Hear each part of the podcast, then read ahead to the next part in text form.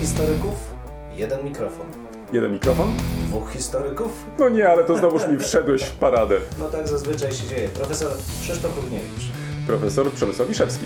Próbujemy nagrywać to, co nas ciekawi, to, co nas kręci, ale zawsze w kontekście historii. No niestety, takie już mamy, że tylko o historii, chociaż czy zawsze na poważnie? No nie zawsze, a przede wszystkim historia to cały świat. To nie tylko to, co minęło, ale też to, co jest teraz. Chcemy pokazać, że w historii można poznawać się w różny sposób. Zdecydowanie w różny sposób i nawet można się nią bawić. Państwo wszyscy widzą, że się uśmiechamy, więc my się też bawimy nieźle. Bardzo dobrze. Dwóch Liczymy historyków, jeden mikrofon. Jeden mikrofon? Dwóch historyków. Zapadła cisza. Tak, a ja teraz uprzedzę kolegę, bo on mnie zawsze tak wyciąga, żebym ja zeznawał na początek. No więc ja tu zdradzę, że kolega się rozwija wywiadowczo, chciałem zauważyć. I, E, chciałem zapytać, co czyżbym o czymś nie wiedział? No wywiad za wywiadem. Ja już tu czytam, jest kolega rozrywany, wywiadowcy w koło, on wywiadywany, no po prostu. Co to się wydarzyło, panie No, kolego? z- wydarzyło się naprawdę bardzo dużo, ale pierwszy, bo pewnie o tym e, wywiadzie myślisz, e, w pierwszym tłumaczyłem, co to jest czwarta Rzesza. czy w ogóle czeka nas czwarta Rzesza, czy też nie czeka nas czwarta Rzesza. To był pierwszy wywiad. Drugi wywiad e, faktycznie też udzieliłem, dotyczył z kolei statusu Polaków w Niemczech. I tutaj bardzo ciekawa rozmowa, muszę ci przyznać. Jeszcze raz przypomniałem sobie różne rzeczy. Była to też dla mnie okazja, żeby mm, poszperać trochę w swoich papierach, e, albo jak wolisz, też w pamięci, bo, bo też i w pamięci trochę poszperałem.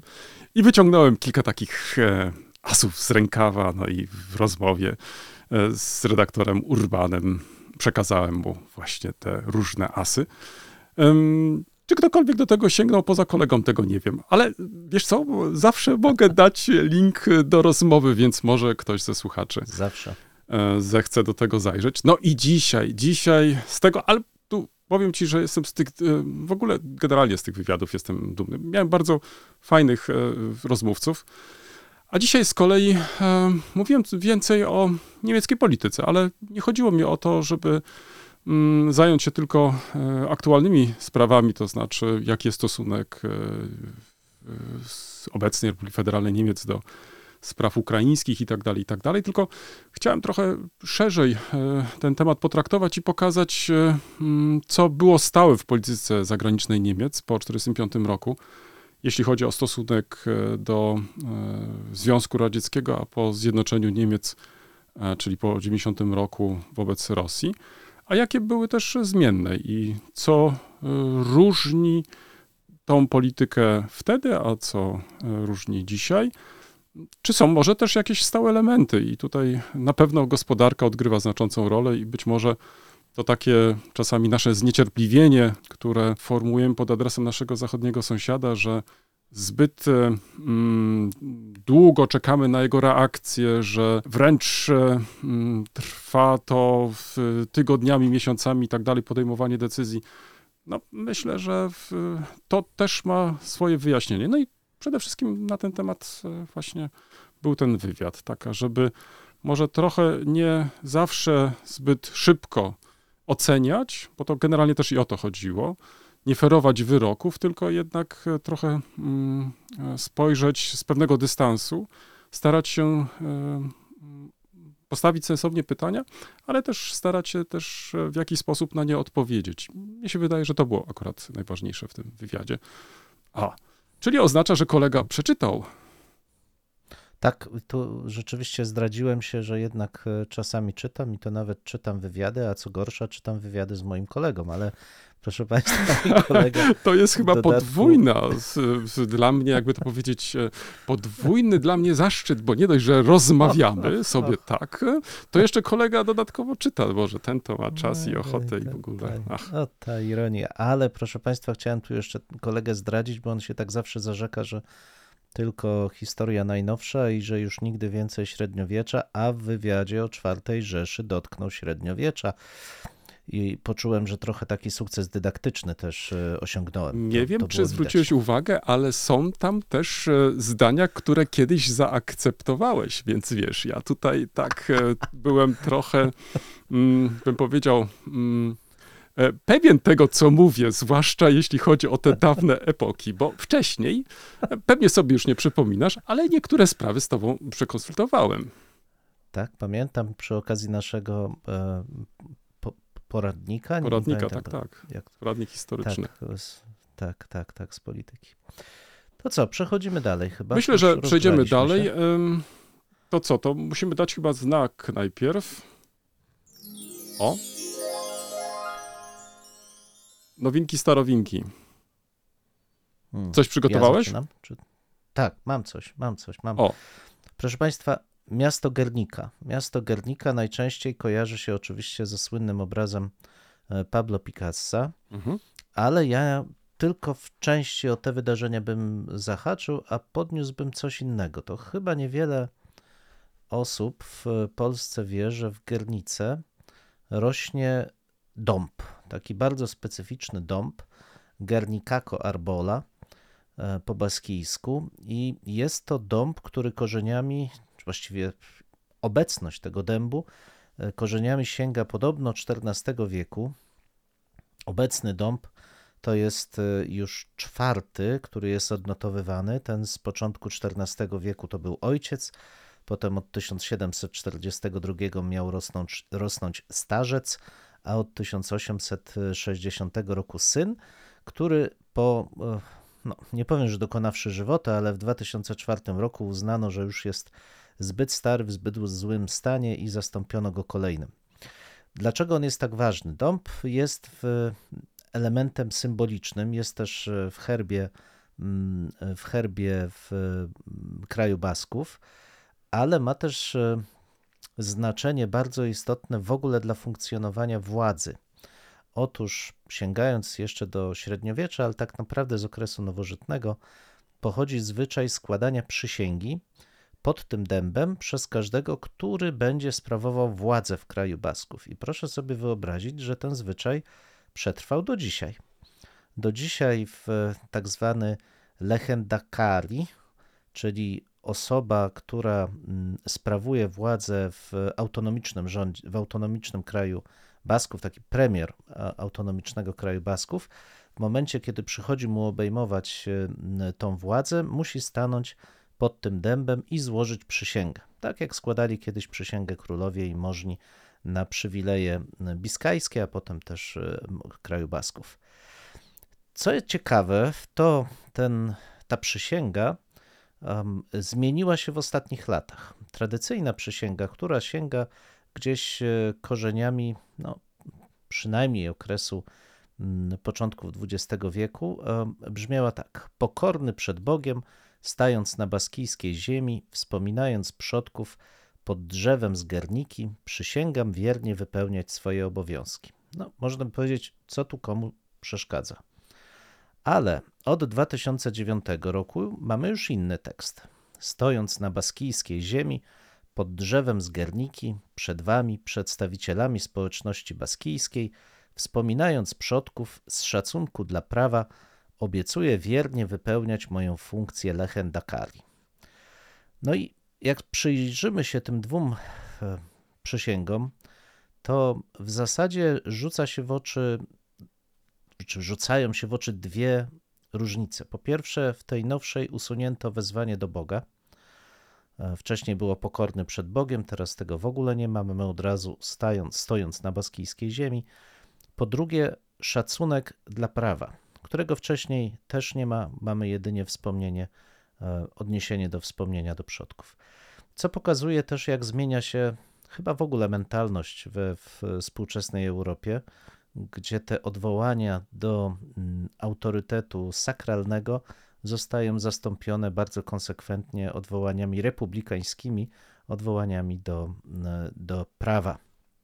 No i ostatnia rzecz, też już dla nas ciekawa, bo oczywiście Gernika, znana z straszliwego mm, zbombardowania przez niemiecki Legion Kondor w 1937 roku.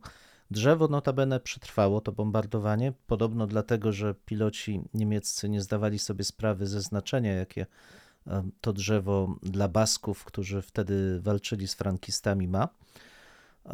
I w sz- szczepka z tego drzewa została przeniesiona i zasadzona w 2013 roku w Polsce, na terenie obozu w Oświęcimiu, jako oznaczenie e, znaczenia, czy wskazanie znaczenia, jakie ma pokój, jako drzewo pokoju, jakie Pewnie poprawnie musisz całego, powiedzieć e, Auschwitz-Birkenau. świata.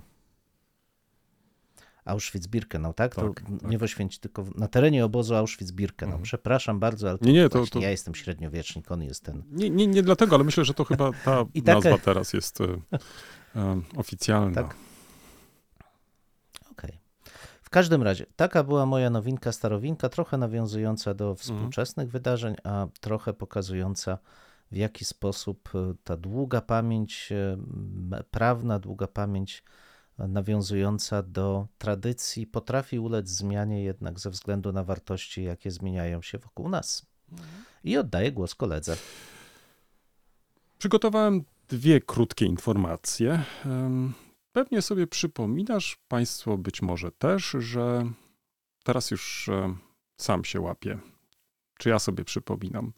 Tydzień czy dwa tygodnie temu wspomniałem krótko o tym, że w jednej ze szkół amerykańskich e, wycofano z użytku komiks em, Arta Spiegelmana Maus. Wtedy nie miałem polskiej wersji jeszcze, korzystałem z niemieckiej, bo taką posiadałem postanowiłem zakupić. A nie, to było jednak kilka tygodni temu. Bez problemu znalazłem wydawnictwo, Pruszyński Spółka, ale co się okazało, że wydawnictwo już nie miało egzemplarzy, książka rozeszła się, ale poinformowano mnie, że jeżeli nadal jestem zainteresowany, to wydawnictwo mm, właśnie robi dodruk y, i jeśli będę zainteresowany kupnem, to będę mógł za kilka tygodni kupić. Tak się też stało. Otrzymałem egzemplarz, który koledze pokazuję. I nie jestem rozczarowany, bo to, co mnie między innymi interesowało, to już nie tylko sama historia, to w jaki sposób ona jest opowiedziana, bo to oczywiście znam, ale polskie wydanie jest też zbiorczym wydaniem. To wydanie niemieckie było podobnie teraz jak polskie, gdzie masz e, obie części, to znaczy mój ojciec e, krwawi historią i tu się zaczęły moje kłopoty. To są te dwie części, które w polskiej wersji zostały umieszczone jako całość.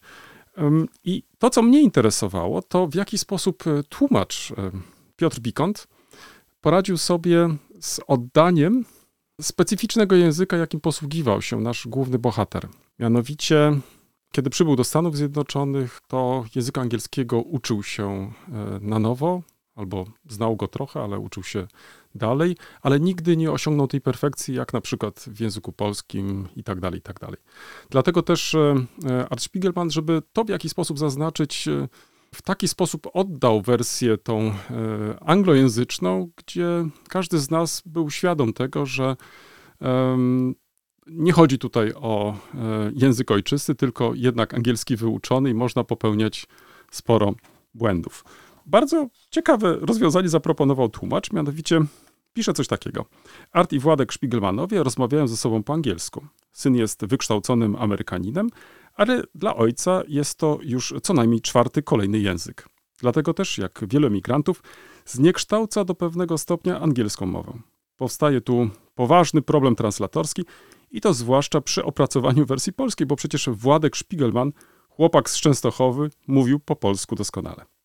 Tłumacz nie może tu tworzyć nowego, sztucznego żargonu, ale musi tę cechę postaci zachować. Mógłby to być styl Amerykanina, który się uczy polskiego, ale chyba lepiej widzieć we Władku przede wszystkim polskiego Żyda. Myślę, że Państwo, może Ty znajdziesz czas, zechcecie sięgnąć do tej książki, do e, tego no, ważnego, można powiedzieć, tej noweli e, takiej graficznej, jak to się ładnie w, określa, być może w tłumaczeniu. W każdym razie jest to ważna książka i myślę, że dobrze się stało, że mamy znów możliwość zakupienia i możemy także do tej książki wrócić. To byłaby pierwsza informacja. Druga z kolei to mm, już koledze wcześniej o tym pisałem. Mianowicie podczas takiej wymiany zdań na jednym z komunikatorów e, pojawiła się sprawa, czy powinniśmy mówić w Ukrainie, czy na Ukrainie. I tutaj zainteresowało mnie to, nie ukrywam, to znaczy to, w jaki sposób e, powinniśmy używać e, tych przyimków. No i muszę przyznać, że sam może nie do końca zdając sobie z tego sprawę, e, jakie emocje kryją się za każdym z nich. E, Generalnie, tak jak chyba większość Polaków, używałem dotąd na Ukrainie, ale teraz staram się jednak, na ile to jest możliwe, używać w Ukrainie czy też e, w Litwie, ponieważ nie ukrywam, że artykuł, który przeczytałem Emilii Dłużewskiej pod tytułem Wojna na Ukrainie czy w Ukrainie, skąd ta dyskusja i co nie, co, o co w niej chodzi, przekonała mnie po prostu, e, że jednak e, powinniśmy z większą dbałością może podchodzić także i do tego rodzaju form, ponieważ e, może to być przez drugą stronę przynajmniej zrozumiane, no, może nie tyle opacznie, co, co nie zawsze ze zrozumieniem, bo jednak mm, to używanie na raczej, tutaj jestem gotów się i skłonny zgodzić z, z niektórymi językoznawcami, którzy podkreślają, że tu chodzi po prostu o jakieś mniejsze jednostki, nie chodzi tu o państwa. Natomiast w przypadku państw użycie tego przeimka w jest jak najbardziej tutaj uzasadnione. Tak więc na to chciałbym może zwrócić uwagę, choć tak jak językoznawcy twierdzą, to jest kwestia tak naprawdę wyboru. To znaczy, to nie jest też tak, że e, taki jest zapis, a nie inny. Tutaj e, autorka powoływała się na przykład na zapisy e, naszych słowników językowych, gdzie jeszcze ta forma na Ukrainie jak najbardziej jest obecna. No ale z racji tego, że zwłaszcza po upadku Związku Radzieckiego, po powstaniu nowych, starych państw, e, no to może powinniśmy faktycznie też z większą dbałością podchodzić także do używanego nazewnictwa. Mhm.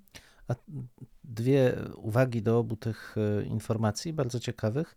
Ten eksperymenty językowe, o których wspomniałeś, mm. to znaczy kłopoty z tłumaczeniem. Ja pamiętam, kiedy mm, wydawane było pierwszy raz i to było chyba jako dodatek albo wkładka do e, czasopisma Fantastyka e, Mechaniczna Pomarańcza. O. I, w, I wtedy rzeczywiście był problem dla tłumacza, ponieważ e, autor stosował tam slang rosyjski. Znaczy dla mhm. Amerykanina było mm, jakby oczywiste w momencie, kiedy książka powstawała, że właśnie słowa rosyjskie wplatane w język angielski są takim elementem slangu co dla nas oczywiście już w latach 80. Y, jakby mm, no, ciężko było to odczuć. Dla nas to właśnie słowa angielskie były takim elementem specyficznego slangu kulturowego i autor zaproponował wtedy dwie wersje tej samej książki. Jedną z y, takim y, oddaniem dosłownym, czyli tym slangiem rosyjskim, drugie z tym slangiem angielskim. Bardzo ciekawy eksperyment, więc tutaj też w pełni rozumiem te problemy tłumacza, jak oddać taki charakterystyczny język. A druga uwaga do tego określenia na i wy. Rzeczywiście jest to e, problem, bo faktycznie mamy przecież określenia na Litwie, na Białorusi. Czy na Słowacji. Czy na Słowacji, ale z drugiej strony e, mamy na Dolnym Śląsku, mhm. ale już w Wielkopolsce i w Małopolsce, bo tam mamy końcówkę Polski, prawda? Niezależnie od tego, że są to mhm. mniejsze jednostki, więc ten uzus językowy rzeczywiście jest bardzo, e, bardzo silny. No ale cóż, no, nowe czasy wymagają nowych rozwiązań, język jest plastyczny i wydaje mi się, że możemy się spokojnie pogodzić i przygotowywać do tego typu zmian, jakie następują. Mm, mm. No albo inaczej, wiesz, w sposób może bardziej świadomy podchodzić też do y, tego, w jaki sposób używamy tych określeń, bo mnie się wydaje, że tu bardziej chodzi o takie pewne uwrażliwienie, to znaczy, żeby używać, używając, używać już w sposób bardziej świadomy, może tak, o. Albo to znaczy niekoniecznie zawsze wyuczony, prawda? Albo na przykład tak, jak się kiedyś tam nauczyliśmy. Przechodzimy do lektur. Miałeś czas w ogóle tak cokolwiek ja przeczytać? Mam... Zadam no, ci od razu takie krótką... pytanie. Atakuje mnie od razu tutaj. Nie dość, że czytam jego wywiady, to jeszcze się mnie pyta bezczelnie, czy czytam coś jeszcze. No, no ale wiesz, ale wywiad to, to, to, zaraz, zaraz, ale poczekaj, ale, ale to wywiad to jest tak, ja wiem, no minuta, dwie, no przecież to, już nie powiesz mi, że w, w, musiałeś robić specjalnie kawę, odprężyć się siadając na krześle czy fotelu i, i, i czytać no, tutaj wypociny kolegę, kolegi. Brałem flamaster i zakreślałem, Ach, co ważniejsze fragmenty. Czyżbyś no. chciał cytować? Ale oczywiście w każdym momencie. Dobrze, proszę Państwa, a mówiąc już poważnie, rzeczywiście jedną książkę tylko dzisiaj e, przygotowałem, bo faktycznie no, taki tydzień powiedzmy był dość e, burzliwy. Katarzyna Mirgos, Górę, historię z kraju Basków. To już domyślałem się Mm. Państwo, skąd moja nowinka, starowinka. Książka e, wydana przez znane wszystkim wydawnictwo Czarne, biała seria. E, Bardzo ciekawa, pisana przez osobę, która rzeczywiście lata spędziła na nie tylko podróżach, ale zgłębianiu kultury e, baskijskiej. E, Podobnie jak inne książki z tej serii, jest to w zasadzie zbiór reportaży, które łączy pewna nadrzędna idea. Jak zawsze w takim przypadku ma to dobre i złe strony. Zdarzają się powtórzenia, nie do końca korelują ze sobą niektóre rozdziały, ale to, co jest najistotniejsze, to znaczy ten mm, specyficzny mm, świat Basków e, współczesnych, ale głęboko zakorzenionych w tradycji i w kulturze, y, jest bardzo ciekawie oddany. Mm, Niewątpliwie interesującym zabiegiem jest bardzo częste odwoływanie się do języka, e, wskazywanie e, specyfiki tego języka, przywoływanie terminologii. Rzeczywiście, w momencie, kiedy już człowiek ma ochotę powiedzieć, no ale przecież kultura jak każda inna tutaj w Europie, to samo przywołanie języka zaraz tak otrzeźwia, że no może i prawie taka sama, ale jednak te odrębności, które widać w, w strukturze języka, w, są bardzo, mm, są bardzo w, istotne. Mm, Bardzo ciekawa książka także dlatego, że odwołuje się do historii, najczęściej dwudziestowiecznej, jednak trzeba przyznać, no to już taka, powiedziałbym, skaza reporterów, ale e, z drugiej strony czyni to w sposób bardzo koherentny, pokazując nie jako muzeum, z którego się wybiera eksponaty i coś tam się pisze na ten temat, ale jako realne korzenie, przestrzeń ciągłą, gdzie ta historia jest stale obecna we współczesności, kształtuje tą współczesność, wpływa na nią i pozwala nam zrozumieć pewne mm, zachowania. Z różnych opowieści dla mnie chyba najbardziej wstrząsająca jak na razie, już zbliżam się do końca, ale kto wie, co tam się wydarzy pod koniec.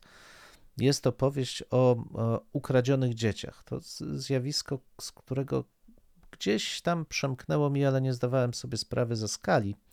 Mianowicie w Hiszpanii frankistowskiej i chyba jeszcze trochę po jej zakończeniu, chociaż może nie. W każdym razie, we frankistowskiej e, Hiszpanii e, rozwinął się w pewnym momencie proceder, e, gdy, gdzie mm, kobietom najczęściej ubogim bądź znajdującym się w trudnej sytuacji, zwłaszcza w przypadku ciąży pozamałżeńskiej, um, urodzenie dziecka w szpitalu oznaczało, że to dziecko było zabierane. Zabierane, sprzedawane e, do adopcji, czasami do tego stopnia, że osoba, która miała przejąć to dziecko, mm, udawała ciążę, przybywała do szpitala i rzekomo wychodziła z tym, e, z tym dzieckiem. E, Natomiast kobietom, które urodziły to dziecko, mówiono, że dziecko zmarło. Nie pokazywano najczęściej takiego dziecka. Zupełnie wstrząsająca dla mnie jest opowieść o tym, że takie dzieci, że- że szpitale trzymały zamrożone płody, żeby móc pokazać w razie czego, jeśli osoba bardzo chciała, to zmarłe dziecko. I e, skala tego zjawiska, bo ono się rozwinęło w latach 70., 70., proszę Państwa, to nie są, to nie jest jakaś zamierzchła przeszłość. Um, jest dla mnie zupełnie wstrząsająca. Szacuje się, że w ten sposób zostało ukradzionych, tu trzymaj się mocno, jak myślisz, Mhm. ilu Hiszpanów? No- no jakąś cyfrę podaj. Ale to musisz mi dać jakieś e, takie przedziały. 5, 10, 15 na przykład. No, no nie wiem, to już sobie wybierz, pomyśl, duży kraj, Mhm. lata 70., ile dzieci można było w ten sposób ukraść i zamienić? No ja wiem, może tak z 10 tysięcy, 20 tysięcy, O, 300 tysięcy. 300 tysięcy. Oj. 300 tysięcy. Mhm. Tak szacuje się Mhm. skalę tego zjawiska. To jest po prostu nie, niewyobrażalne dla mnie. Znaczy, ten proceder w dodatku był mm, podobno, w, znaczy tak wynika z tych, z tych śledztw, w ten proceder były zamieszane nie tylko szpitale, nie tylko Mhm, lekarze, mhm. ale też przedstawiciele kleru, e, kleru katolickiego. No zupełnie wstrząsająca Mhm. sytuacja. Więc nie tylko takie oczywiście opowieści z kraju Basków, e, bo ta sytuacja dotykała zwłaszcza tych, dla których e, frankistowska Hiszpania nie miała zbyt wiele, mm, zbyt wiele serca, E, Także inne kulturowo bardzo istotne. Serdecznie polecam, bo jest to książka rzeczywiście pozwalająca zobaczyć kawałek zupełnie czasami przez nas zapomnianej, widzianej przez pryzmat Mm. ETA, Mm. której w tej chwili już nie ma Europy. Serdecznie polecam.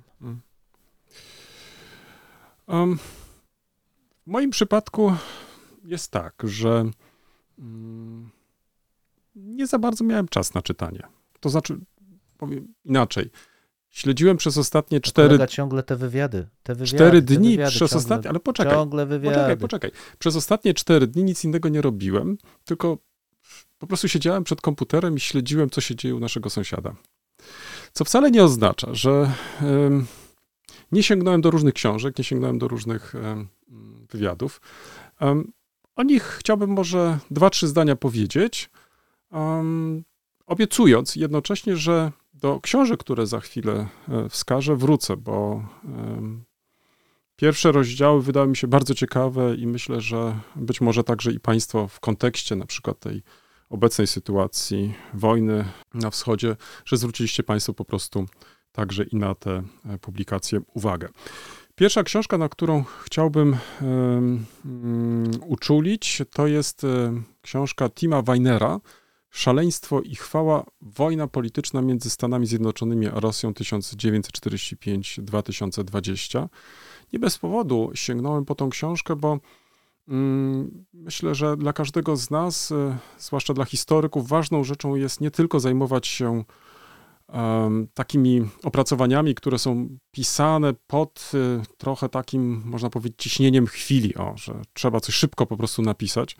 I najczęściej opisuje się te współczesne wydarzenia, może trochę się sięga do przeszłości, ale nie robi się tego w sposób pogłębiony. Tutaj w tym przypadku mamy do czynienia z opracowaniem historycznym, dużym okresem, ale też takim, który nam pokazuje zmienność e, różnych elementów e, i to zwłaszcza mnie zainteresowało, to znaczy jak jest pokazany ten okres po 1945 roku, który nie jest e, przecież jednorodnym okresem w relacjach radziecko-amerykańskich czy też amerykańsko-rosyjskich.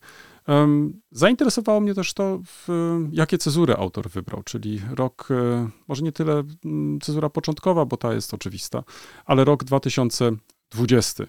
Em, Tak więc o tej lekturze trochę więcej, może następnym razem, bo jestem w trakcie czytania. Podobnie mm, chcę potraktować e, inną książkę. Tym razem jest ona poświęcona rządom Władimira Putina, Roberta Servisa, chyba tak się wymawia. Na Kremlu wieczna, wiecznie zima, Rosja za drugich rządów Putina. I autor tutaj e, przede wszystkim skoncentrował się na mm, ostatnich latach, które nas jakoś tak szczególnie interesują i gdzie staramy się też znaleźć e, odpowiedź na pytanie, jak w ogóle ta wojna była możliwa, jak doszło do tej agresji i jakie wyobrażenia faktycznie ma obecnie rządzący w Rosji prezydent Putin, jeśli chodzi o jego wyobrażenia co do przyszłości Rosji, ale także relacji między Rosją, tak jak to w tej książce jest też e, podkreślone, a światem zachodnim. Tak więc myślę, że także i ta książka jako bardzo ciekawe uzupełnienie warta jest e, mm, zwrócenia na nią uwagi, a przede wszystkim lektury. Tak więc następnym razem podzielę się e, swoimi wrażeniami. Ponieważ, tak jak wcześniej trochę anonsowałeś, faktycznie mm, to nie jest też tak, że i ja nie wiem, jak e, ty e, to teraz widzisz, ale udzielenie wywiadu dla mnie nie jest taką sprawą oczywistą dzisiaj. Jeszcze sobie przypominam czasy, kiedy mogłem z marszu na każdy temat mówić e, właściwie no nie wiem, co sądzili o tym czytelnicy. W, w każdym razie w, ja sam miałem takie wrażenie, że, że nie mam żadnych oporów, że przychodzi mi to łatwo, że, że mogę mówić wręcz e, z biegu. No, dzisiaj jest jednak inaczej i w, faktem jest, że zanim udzieliłem tych wywiadów, prosiłem zresztą za każdym razem także i moich rozmówców, muszę się przygotować, muszę trochę poczytać, muszę przejrzeć.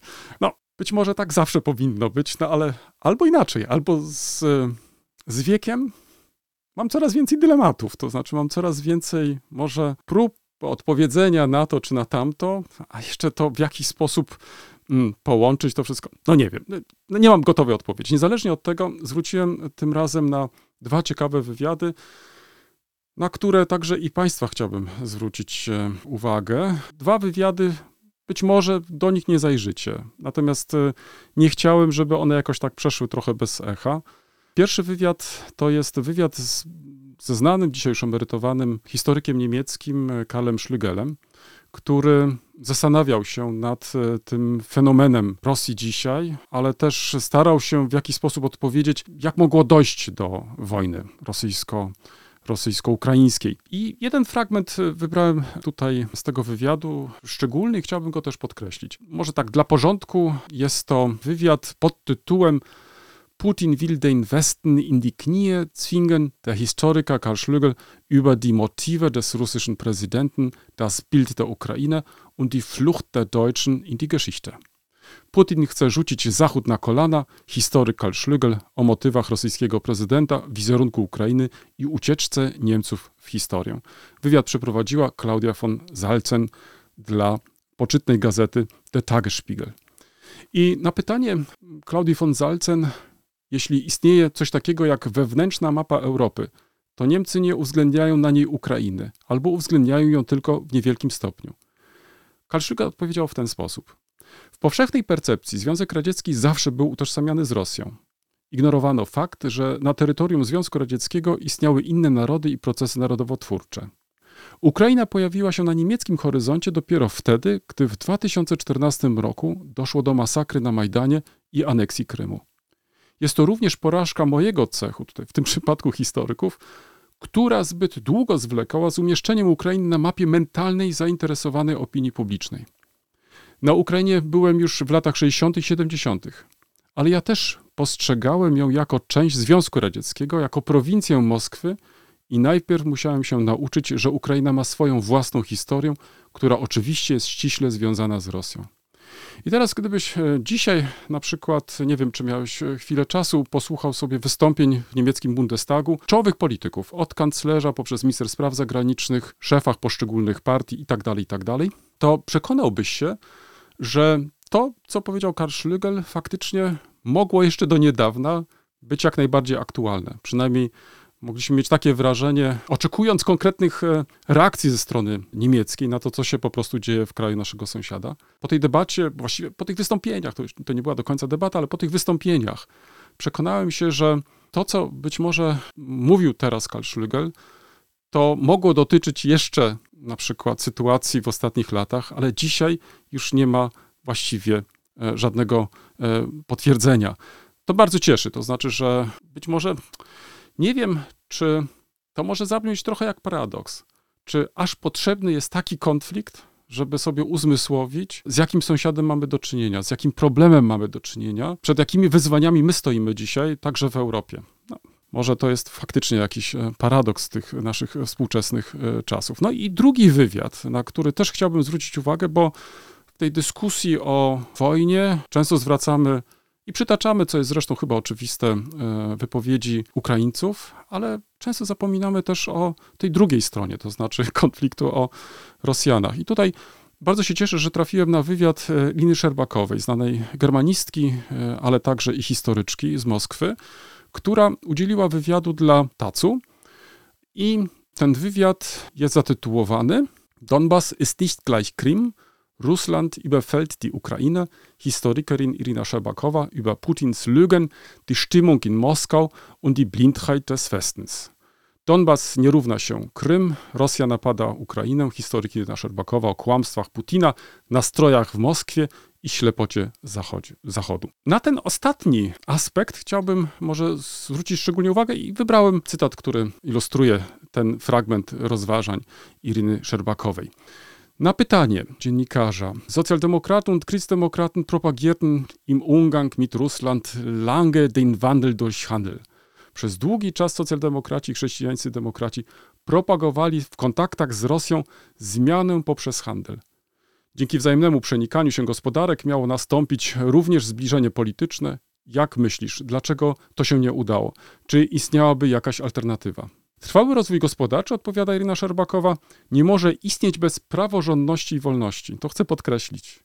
Po niemiecku eine nachhaltige ökonomische Entwicklung kann ohne Rechtsstaat und Freiheit kaum existieren. zostało to zignorowane w dość cyniczny sposób. Zawsze pojawiały się słodko-kwaśne wyjaśnienia, że potrzeba jeszcze czasu, że Rosja nie jest jeszcze gotowa na demokrację. Sam Putin natomiast był nieskazitelnym demokratą. Należy rozmawiać z nim jak równy z równym. Należy skupić się na interesach, które są korzystne dla obu stron. Było to nadużywane przez stronę rosyjską, odczytywane jako oznaka słabości i chciwości. Jaka jest alternatywa dla tego rozwiązania? Dokładnie w tym sensie była jedna. Koniec cytatu. Czyli zwróć uwagę, że w tych wszystkich dyskusjach, które często prowadzimy, powinniśmy mieć też na uwadze, że i w Rosji znajdziesz e, sporo krytycznie myślących osób. To nie jest też tak, że należy ich wrzucać wszystkich do jednego worka i powinniśmy także zwracać uwagę na tego rodzaju głosy, ponieważ no, musimy sobie jedną rzecz uzmysłowić i te ostatnie dni nam to w jakiś sposób jeszcze raz pokazały, że tego rodzaju wystąpienia często kończą się więzieniem. A To znaczy są to bardzo odważne wystąpienia. Tu Irina Szerbakowa wystąpiła z imienia i nazwiska, tak więc e, zastanawiałem się, czy przytoczyć to, ale pomyślałem sobie, że zwłaszcza kiedy przeglądasz e, media społecznościowe, często już pojawiają się bardzo krytyczne głosy, często niesprawiedliwe. Oczywiście w dużej części są też usprawiedliwione, ale myślę, że mm, zwłaszcza jak, jako historycy powinniśmy trochę nabrać oddechu, powinniśmy też e, do czego zawsze zachęcam, e, spojrzeć także na te problemy z pewnego dystansu i dopiero wtedy starać się w jakiś sposób je opisać. Natomiast e, raczej przestrzegałbym przed takimi szybkimi sądami, nawet jeżeli analogie same się narzucają. To być może jest, słuchaj, tak cały czas myślałem, czy nie poświęcić na przykład jednego z naszych odcinków em, po raz być może kolejny kwestiom analogii, bo zwłaszcza teraz w, konta- w kontekście mm, konfliktu wojny w- rosyjsko-ukraińskiej. Tutaj po prostu te analogie były często przywoływane. Na ile w- one są trafne, na ile te analogie pozwalają nam wyjaśnić cokolwiek w historii, no to jest, jest, inna sprawa. Ja myślę, że być może przy jakiejś okazji e, warto byłoby do tego wrócić. To z mojej strony tyle. Mhm. Bardzo ciekawe te oba wywiady, bo e, nawiązując do pierwszego, ja w, rozmowach e, z kolegami z Niemiec, e, czy obserwując politykę tą kulturalną, e, naukową Niemiec, nie w ostatnim roku czy dwóch, ale wcześniej, mm, miałem wrażenie, że to nie jest tylko kwestia Ukrainy, ale to jest też kwestia Polski. No, Czy generalnie Europy Środkowo-Wschodniej, prawda? Dla wielu. Mhm. Tak, tak, tak, że Niemcy, Rosja, a pomiędzy to coś takiego bliżej nieokreślonego. To się rzeczywiście zaczęło jednak zmieniać trochę wcześniej. Mam wrażenie, że od dwóch lat mniej więcej, czy może roku nawet, ta sytuacja nieco inaczej wyglądała, ale rzeczywiście to, co było powiedziane w trakcie tego posiedzenia Bundestagu, to wręcz przewrót kopernikański, tylko ja mam cały czas wrażenie, że żebyśmy obserwowali, żebyśmy nie wyciągali Mhm. pochopnie wniosków, bo to bardzo duża zmiana i, zobaczymy z biegiem czasu, czy ona rzeczywiście będzie miała miejsce, czy jest to tylko jak wiele takich zachowań pod wpływem presji chwili mm, się pojawiająca. Ale mam wielką nadzieję, że rzeczywiście urealni to sytuację w, i w Niemczech, i w, i w Europie Środkowej. Natomiast ten, ten drugi, zwłaszcza wywiad i ta twoja konkluzja absolutnie mnie przekonuje. Ja w, już w, w czwartek wieczorem albo w piątek szerowałem e, demonstracje w Sankt Petersburgu i w Moskwie e, przeciwników wojny. Potem mamy ten Mhm. list e, naukowców i dziennikarzy, którzy sprzeciwiają się wojnie i bardzo mocno właśnie chciałbym podkreślić to, o, czy- o czym ty powiedziałeś. Takie wystąpienia wymagają w Rosji ogromnej odwagi. E, Ja, ta, ja, ja mogę mieć żal do um, poszczególnych instytucji, że nie zabierają głosu, bo to uważam rzeczywiście za mm, bardzo dyskusyjne i to dotyczy i uniwersytetów, i Rosyjskiej Akademii Nauk. Natomiast e, wielu z tych e, z ludzi, z naszych kolegów, uczonych, naprawdę wykazało się ogromną odwagą, żeby w tym stanie rzeczy, kiedy zabranie takiego głosu może oznaczać koniec Kiedy muszą się kariery, może opowiedzieć za oznaczać- albo przeciw. Tak. tak, tak, tak, tak. To są naprawdę wybory mm, duże, więc y, zgadzam się absolutnie z Tobą, że trzeba widzieć też i też tych, a zwłaszcza tych, którzy w tej trudnej sytuacji stają e, po- no, po stronie prawdy po prostu i, i mają tą odwagę, żeby zmierzyć się nie tylko z aparatem państwowym, bo pamiętajmy, że to też nie jest tak, że mówiąc takie rzeczy zyskujesz cicho, ci, cichą zgodę i wsparcie wszystkich dookoła, którzy nienawidzą rządu. Nieprawda. Bardzo wiele z tych osób wierzy w Putina, wierzy w e, wizję wielkiej Rosji e, i taka e, odwaga cywilna może oznaczać także ostracyzm we własnym środowisku, nie tylko państwowy, więc mówię szapoba dla tych wszystkich odważnych, prawych Rosjan, którzy występują teraz przeciwko Mm, tej wizji agresji, jaką pokazuje państwo. Oczywiście linki do tych e, wywiadów e, podam pod e, naszą rozmową, także będziecie mogli bez, Państwo bez problemu te linki znaleźć.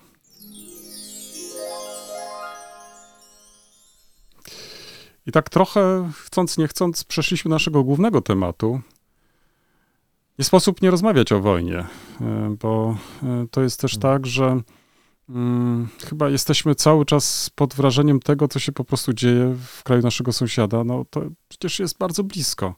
Już abstrahuję od e, takich czy innych relacji, które e, nas łączyły w przeszłości, ale sam fakt, że mm, państwo europejskie może zostać w taki sposób najechane, mamy do czynienia z tak bezprzykładną agresją i agresją właściwie niczym nie zawinioną, to znaczy niesprowokowaną, bo, bo to chyba to cały czas trzeba podkreślać. E, e, Niesprowokowaną też przez, nazwijmy to tak umownie, Zachód, bo, bo przecież to też jest tutaj e, ważne, żeby podkreślić. Z drugiej jednak strony z wojnami, z konfliktami mamy stale do czynienia w historii. Może warto byłoby tutaj trochę też pewne kwestie uporządkować, tak żeby nabrać też takiego może szerszego oddechu, to znaczy może nie tyle starając się umieścić ten współczesny konflikt e, na tle tych innych, ale przynajmniej pokazać um, z jakimi problemami teraz mamy do czynienia lub też w przyszłości możemy mieć do czynienia. Bo wydaje mi się, że e, zrobiliśmy już na przykładzie tych konfliktów z przeszłości wystarczająco ilość, wystarczającą ilość już, e, czy zebraliśmy doświadczeń, żeby móc e, w jakiś sposób e, sensownie podzielić się. No może, żeby tak rozpocząć i zagaić tą naszą rozmowę, warto przypomnieć, że kiedyś tak naprawdę wojna była jednym z tych takich trzech elementów, który składał się na suwerenność państw. To znaczy, państwo mogło zawierać traktaty, mogło wysyłać posłów, e, ale też miało prawo do wojny. Tak więc e, praktycznie można powiedzieć do początku XX wieku e, wojna w różnych konstelacjach była wykorzystywana przez państwa do prowadzenia swojej polityki, albo też jak niektórzy chcieli, żeby przedłużyć politykę pokojową e, wojennymi środkami, no, jeżeli tak to można byłoby określić. Choć co ciekawe, i myślę, że tutaj e, ciekaw jestem, jakie ty masz zdanie, ale mm, kiedy szukałem jednej definicji e, wojny, to znaczy w jaki sposób definiuje się wojnę, to okazuje się, że mm, ta definicja, zresztą chyba jak wiele definicji, po prostu ewoluowała na przestrzeni stuleci i na pewno co innego rozumiano średniowieczu pod e, pojęciem wojny, a co innego rozumiemy dzisiaj pod pojęciem wojny. Mm. No, wiesz, w jakiś sposób wojna jest e, przedłużeniem tej klasycznej definicji e, państwa, to znaczy mm, organizacji, która ma monopol na Mhm. przemoc. I tak jak e, państwo, władza ma to monopol na przemoc w relacjach ze swoimi mm, poddanymi, ze swoimi obywatelami dzisiaj, e, tak ten monopol na przemoc e, przenosi na stosunki między swoimi równoprawnymi e, podmiotami, czyli z innymi mm, państwami. Wiesz, ja tak zastanawiałem się właśnie, czy, czy, czy ta wojna jako element polityki, bo chyba to, to najbardziej zaskoczyło nas jako Europejczyków, że mm, w tym środowisku europejskim wciąż wojna może być elementem polityki. I tak pomyślałem sobie, że jest to przykład kolejny takiego naszego europocentryzmu, to znaczy, że uwierzyliśmy, że jesteśmy w procesie historycznym przed resztą świata. Czyli, że my odrobiliśmy lekcję historii. My wiemy, że przemoc jest y, zła i nie będziemy jej stosować w relacjach międzynarodowych. Chociaż w innych częściach świata nie tylko jest stosowana, ale państwa europejskie ją stosują. Mm. E, I, i, I trochę tak się zastanowiłem, że kurczę, wyszła tutaj taka nasza europejska słabość jednak, to znaczy wiara w ideę bardziej niż trzeźwa obserwacja e, rzeczywistości. Nie wiem, czy to jest do końca złe, bo ta wiara w ideę powoduje właśnie to, że się jakoś rozwijamy i mimo wszystko szukamy innych rozwiązań niż te, które były do tej pory. Ale y, na, na przykładzie tego, co się wydarzyło w, na Ukra- w Ukrainie, już się poprawiam, e, wi- widać wyraźnie, że, że to musi być trzeźwa wiara i trzeźwa obserwacja rzeczywistości, bo tak zastanawiając się nad tym, czy te wojny się różniły ze sobą, Mhm. nawet z, mo- z moją żoną o tym rozmawialiśmy, ja nie widzę takich głębokich różnic. Jest taka mm, czas. Pamiętam jeszcze, jak studiowałem i przedstawiali mi moi wykładowcy mm, sposób prowadzenia wojny w starożytnej Grecji. To taka wizja właśnie idealistyczna, że wtedy walczyli tylko żołnierze, oni tam rodzaj zawodów. Też nawet e, wodzowie, taki prawda? ta- Tak, taki tworzyli. armii. Tak. Tak, i, i że w zasadzie to było takie czyste Mhm. i, i no, jeśli ginęli, to tylko żołnierze. No ale przecież doskonale wiemy, Mhm, że to nie jest mhm. prawda. To znaczy, gdyby tak było, to ludzie nie uciekaliby do miast, nie chowaliby się w tych miastach. Oblężenia nie polegałyby na tym, że się głodziło ludzi albo że groziło się wyrżnięciem w pień całego miasta. No i e, nawet jeżeli spojrzymy na średniowiecze, gdzie te wojny były, miały charakter czasami permanentny, bo wojny toczyły się już między nie organizacjami państwowymi, ale w tym momencie podziałów feudalnych, zwłaszcza na zachodzie, między poszczególnymi możnymi, mm, no to, to przy całej romantyzacji, romantycyzacji średniowiecza, one też nie były bez szkody dla ludności cywilnej. To nie tylko zniszczone zbiory, ale to też porywanie, mordowanie, gwałcenie i to wszystko, co wiąże się, co wiąże się z wojną.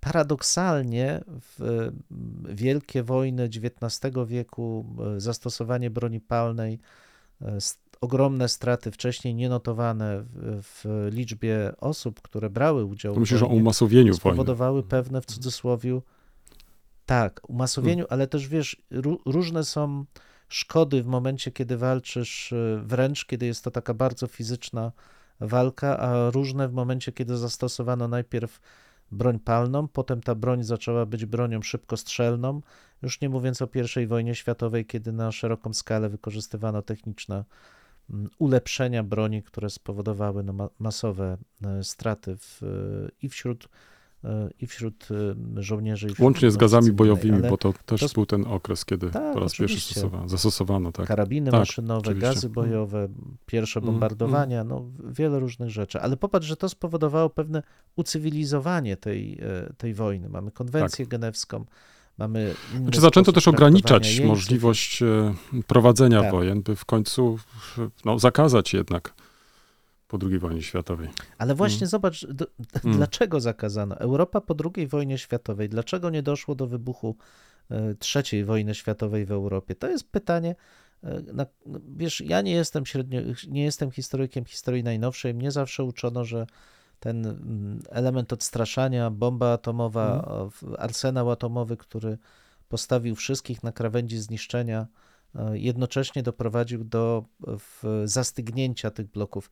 Dziś patrząc na to, co się dzieje na Ukrainie, ja bym powiedział, że tak, ale jednak nie. Myślę, że za czasów Stalina, e, kiedy on pamiętał i widział skutki II wojny światowej, on wcale nie był pewny, czy jest w stanie wygrać kolejną wojnę. Na, natomiast potem wszystkim było dobrze w tych systemach, które były. Znaczy, była władza, było status quo. Nie jestem, mówię, nie jestem przekonany, czy arsenał jądrowy odgrywał tu taką rolę, bo patrzę na to, co się dzieje dzisiaj i arsenał jądrowy nik, niczego nie utrzymał. Ale wiesz co, ja do tego chętnie Niczemu nie wrócę, e, bo, bo myślę, że, że mm, No.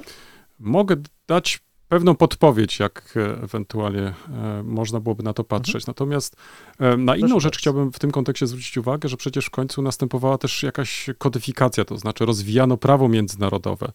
Przecież to nie dotyczyło tylko ograniczenia w prowadzeniu wojen, ale także, co jest dla nas przecież też kluczową kwestią, ukarania zbrodniarzy za rozpętane konflikty, które przecież w końcu mm, i dzisiaj wybuchają, no i dzisiaj także są ci zbrodniarze e, stawiani przed e, sądami.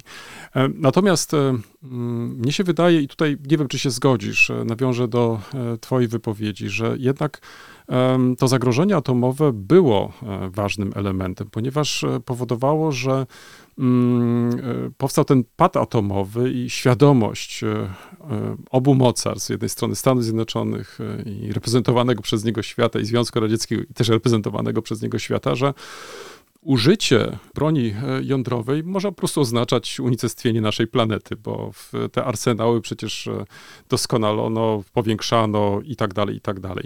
Natomiast mamy sytuację trochę inną po roku 89, kiedy raz e, upada nam Związek Radziecki, E, Także i tu w konkretnym przypadku Ukraina zrzeka się e, posiadania broni e, jądrowej, uzyskując e, tym samym, i tutaj znów pojawia się nam sprawa e, umów międzynarodowych i przestrzegania tych umów międzynarodowych, czyli zawierzenia też e, w prawie międzynarodowym, że ktoś będzie tych umów przestrzegać po prostu, czyli rezygnuje ze swojego e, arsenału jądrowego, czyli tym samym staje się no, bezbronna wręcz, można e, powiedzieć. Z drugiej jednak strony mamy nadal e, silne Stany Zjednoczone i sytuację w Europie, gdzie w Europie no i stąd też ta, to moje pytanie do ciebie. Może mamy do czynienia z, z, z, tego rodzaju zjawiskiem, o którym e, wspominała Irina Szerbakowa, to znaczy, gdzie uważano, że mm, to nie zwiększanie obronności, zwiększanie potencjałów e, jest tutaj wyjściem, tylko po prostu szukania porozumienia. Najpierw, tak jakbyśmy to e, użyli tych określeń e, e, niemieckich, e, najpierw poprzez e, zbliżenie, a tutaj wręcz już w latach e, 90. poprzez handel, to znaczy błędne założenie nas, Europejczyków, że możemy ucywilizować państwa autorytarne czy też wręcz totalitarne poprzez zacieśnienie współpracy gospodarczej, czyli nie e, będąc dla nich e, jakąś alternatywą wojskową czy też alternatywą militarną. Przecież e, też niektóre państwa były wręcz przeciwne, żeby instalować u nich wyrzutnie rakietowe, za pomocą których można byłoby przenosić broń jądrową i tak dalej, i tak dalej. Zwróć uwagę, że być może właśnie po tej drugiej stronie, czyli teraz tej rosyjskiej, powstało to wrażenie, że ta Europa jest po prostu słaba, że e, można w końcu w imię realizacji swoich jakichś imperialnych e, celów po prostu e, najechać bez żadnych konsekwencji, bo kto będzie e, e, reagować na to? Bez żadnych konsekwencji e, sąsiednie państwa, czy sąsiednie państwo. I być może to jest właśnie z tym związane, że odpadł nam ten element, który jeszcze w okresie zimnej wojny odgrywał znaczącą rolę. To znaczy, gdzie istniała ta niepisana umowa, że użycie e, broni jądrowej jest faktycznie jakąś ostatecznością. To znaczy, to mogliśmy zobaczyć tylko na filmach z Jamesem Bondem, że e, takie plany były, że nawet e, naciskano te guziki, ale w rzeczywistości do tego przecież nigdy nie doszło. No wiesz, to jest epizod kubański, oczywiście Mhm. kryzys kubański i wszystkie te rzeczy, w, które miały pokazać, że jednak mm, arsenał jądrowy jest tym ostatecznym argumentem, który powoduje, że pewnych kroków politycznych się nie wykona. Natomiast e, zastanawiając się jeszcze nad tym, e, co się wydarzyło po 1989 roku, to zwróć uwagę, że w moim odczuciu mm, Zachód, czy w ogóle ten, ta, ta, ta część, powiedzmy, no, środkowo i zachodnioeuropejska, zaufały mm, pewnej tożsamości myślenia, znaczy racjonalności, że ich racjonalność jest powszechnie obowiązująca, że te same Mhm. wartości przyjmowane są wszędzie, a w związku z tym dąży Mhm, się do mhm. nich w ten sam racjonalny sposób. Tymczasem w przypadku państw autorytarnych wartości są diametralnie inne. Znaczy tu mm, ta idea, że handel, gospodarka, relacje e, powodują, że wyrzekamy się e, przemocy, stabilizujemy swoje relacje, jest jak najbardziej słuszna w momencie, gdy rzeczywiście dobrostan obywateli jest tym, tą wartością Mhm, najwyższą. mhm. To wtedy wszystko w porządku. Tylko, że w Rosji Putina tak, Tak, nie tak. jest. Wydawało się jeszcze przez e, za, za czasów Jelcyna, że być może tak będzie, choć i wówczas przecież też nie dobrostan obywateli, tylko dobrostan wąskich elit był tym podstawowym mm, elementem jednoczącym państwo, ale już w przypadku Putina było jasne, że celem ma być potęga państwa, na czele którego stoi Putin. I wiesz, jeżeli ktoś by się zapytał, w którym momencie Europa może nie przegrała, ale mm, dała taki jasny sygnał, że w zasadzie Putin może zrobić co chce, no, no to po pierwsze oczywiście jest Gruzja, jest, jest e, Czeczenia, jest generalnie Kaukaz, gdzie e, właściwie powiedziano Putinowi, że to jest jego teren, jego strefa wpływów, on tam może działać, ale potem drugi i chyba ważniejszy, już europejski element to jest Mm. Krym. Przecież to była dokładnie taka sama agresja. Znaczy, odebrano kawałek suwerennego państwa, m, nie przebierając w środkach, wręcz śmiejąc się w twarz. Wykorzystano jego słabość i Europa praktycznie nie zareagowała. Od wyrazy współczucia, e, zmarszczone brwi, jakieś przejściowe sankcje, które absolutnie nie, nie dotknęły tego państwa. Potem zresztą łagodzone i e, właśnie zastępowane tą polityką e, gospodarczą. I, I tu jakby wracamy do tego, że w momencie, kiedy mamy dwa organizmy państwowe, w których dominują różne porządki wartości, to e, człowiek staje przed trudnym wyborem. Znaczy, co, co ma premiować? Czy ma jednak starać się, tak jak mówisz, cywilizować w cudzysłowie, to znaczy narzucić swój system wartości temu sąsiadowi po to, żeby mm, no, realizować swoją politykę, czy też nie. Putin tak samo próbuje nam narzucić swoją, swoją wartość, to znaczy powiedzieć, że musimy być, przyjąć ten po- sposób myślenia, że liczy się Tak. tylko si- siła, Mm, brutalna mm, mm. siła. Ach, I w, mm, w, ja, ja mam duży problem z wybrnięciem z tego binarnej, z tej binarnej wizji świata, nie? bo jest jasne, że w tej chwili wracamy do poziomu Imperium Romanum i jeśli chcesz pokoju, to szykuj woj- wojnę, parabellum. E, I musimy Mm, się mm. zbroić, musimy się e, przygotowywać, y, ale z drugiej strony cały czas myślę, że jeśli pójdziemy tak bezmyślnie w tym kierunku, e, no, no to w zasadzie pogrzebiemy te idee, które są siłą Europy, znaczy otwartości, wolności, bezinteresowności. I to są trudne wybory i wydaje mi się, że tu trzeba będzie szukać jakiejś drogi przekraczającej te umowne granice historii, które Fukuyama wyznaczył, czyli takiej spolegliwej, opartej na gospodarce demokracji liberalnej. No w tym kontekście Że historia się nie skończyła, taki- prawda? Także to tak, Mhm. w takich kategoriach to należy Mhm. rozpatrywać. Mm. Wiesz, Mm. ale to często się tak, tak rzucało, że historia Mhm. się skończyła, to znaczy, że w zasadzie nie będzie żadnych działań No politycznych. tak, no bo już nie masz tej rywalizacji między blokami, że- tak. Mm. Tak. A, ale Fukuyamie chodziło o coś innego. On za Heglem szedł, że w zasadzie demokracja liberalna to jest ostatni stopień rozwoju Mm. politycznego. Nie? Że już nic lepszego dla wspólnoty ludzkiej nie da się wymyśleć. No, jest to optymalna forma, ale dziś uważam, widzimy, że to nie jest optymalna Mm. forma, ponieważ te formy obok, Mhm. te przejściowe, stanowią re, realne zagrożenie dla, e, dla nas No i dla wszystkich. wartości, które dotąd wyznawaliśmy. Ale zwróć uwagę, że być może paradoksalnie, to Tak też jest. jest być może kolejny jakiś paradoks tych czasów, że Putin uzyskał czy osiągnął w, w odwrotny cel, to znaczy doprowadził do czegoś, co o czym marzyliśmy może tak, e, albo inaczej, gdzie w, czasami studentom zwracamy na to uwagę, że taki stan być może osiągnięto właśnie w latach 50., 60. już gorzej i tak dalej, to znaczy pewnej jedności Zachodu e, w patrzeniu na pewne wartości, e, tutaj nikt specjalnie się już nie chce wyłamać. To znaczy, nawet jeżeli spojrzymy na naszego zachodniego sąsiada, który jeszcze e, długo zwlekał z podejmowaniem decyzji, ostatecznie jednak podjął, to znaczy e, włączył się do tego całego koncertu ci państw. Powiem, tak. tak. Mm. Ale teraz cię zaskoczę. Nie wiem, czy, czy czytałeś ostatnie wystąpienie Wiktora Orbana. On powiedział, E, Tak, że mieszanie się do Mhm, konfliktu mhm. między Rosją i Ukrainą nie Mhm, jest w interesie Węgier. W związku z tym nie wyśle Mhm, żadnej mhm. pomocy ani humanitarnej, ani wojskowej na Ukrainę, mhm, natomiast mhm, przyjmie uchodźców. Czy mhm. to, znaczy budzi to mój ogromny niepokój, bo to pokazuje, że nawet w tak krytycznym momencie w obrębie wspólnoty europejskiej potrafi pojawić się polityk, który próbuje rozgrywać swoje małe, partykularne interesy wbrew całej Unii. Mhm. Przy czym jest jeszcze taki, bym powiedział, optymistyczny element w tym wszystkim, e, który ja przynajmniej widzę. Węgry stoją przed wyborami.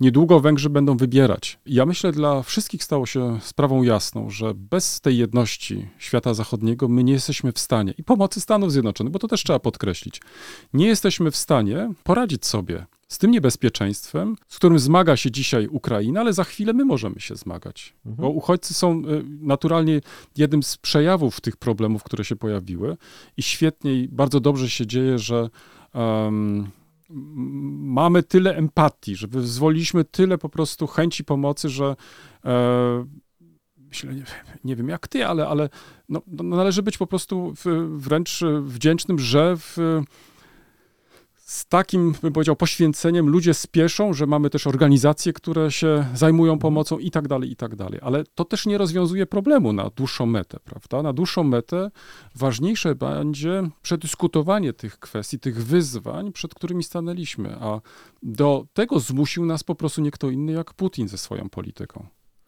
Mnie się wydaje, że już niezależnie od tego, a mówimy tutaj w końcu jednak o państwach demokratycznych w Europie, że także wyborcy nie są ślepi. To znaczy, wyborcy też mam nadzieję, że będą potrafili rozróżnić, co jest w ich interesie. Jeżeli chcemy żyć dalej w pokoju w, w, w Europie, no to musimy też e, być świadomymi wyborcami. Musimy też e, jasno się opowiedzieć e, za którąś ze stron. Bo wiesz, co to znaczy, że mówi w imieniu Węgrów? Czy tak, to oznacza, że Węgrzy tak wszyscy myślą, czy myśli tylko pan Orban i tam jego partia taka czy owaka? No to zobaczymy, choć wiesz, ja też obserwując strony węgierskich uniwersytetów, gdzie pracują Mhm. moi koledzy, no tam e, te wezwania do pomocy e, Ukrainie pojawiły się dopiero wczoraj. Więc to też nie jest wcale takie mm, oczywiste, że wszyscy Węgrzy e, odrzucają tą retorykę, ale ja uważam, że to, na czym my musimy się skupić, czy powinniśmy się skupić, to właśnie nad tym zastanowieniem, jak nie rezygnując z tych wartości kluczowych dla e, kultury europejskiej, jednocześnie zabezpieczyć się przed wojną, ale nie poprzez słabość. Znaczy, kupowanie e, przeciwnika po prostu się nie sprawdza. To i Mm, Kartagina tego doświadczyła, i teraz Unia Europejska też boleśnie tego e, doświadcza. Wyciągając z tego wnioski, musimy zachowywać się w sposób jak najbardziej zgodny z naszymi wartościami demokratycznymi, ale niestety do wojny musimy być przygotowani. No i też racjonalny, bo myślę, że to jest też ta rzecz, na którą zwracamy wielokrotnie uwagę. Co dla nas jest oczywiste, ale nie chyba dla wszystkich.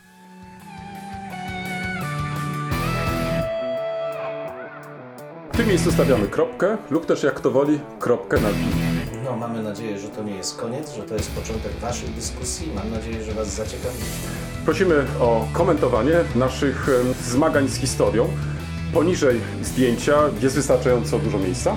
I pamiętajcie, nie regulujcie odbiorników. No, my naprawdę tak brzmimy. E, tak, chociaż być może czasami e, może trzeba ściszyć. No może czasami ten nasz rekord tu się przydało wyciąć nawet. Dwóch historyków, Jeden mikrofon, jeden mikrofon. dwóch historyków. 最贵了。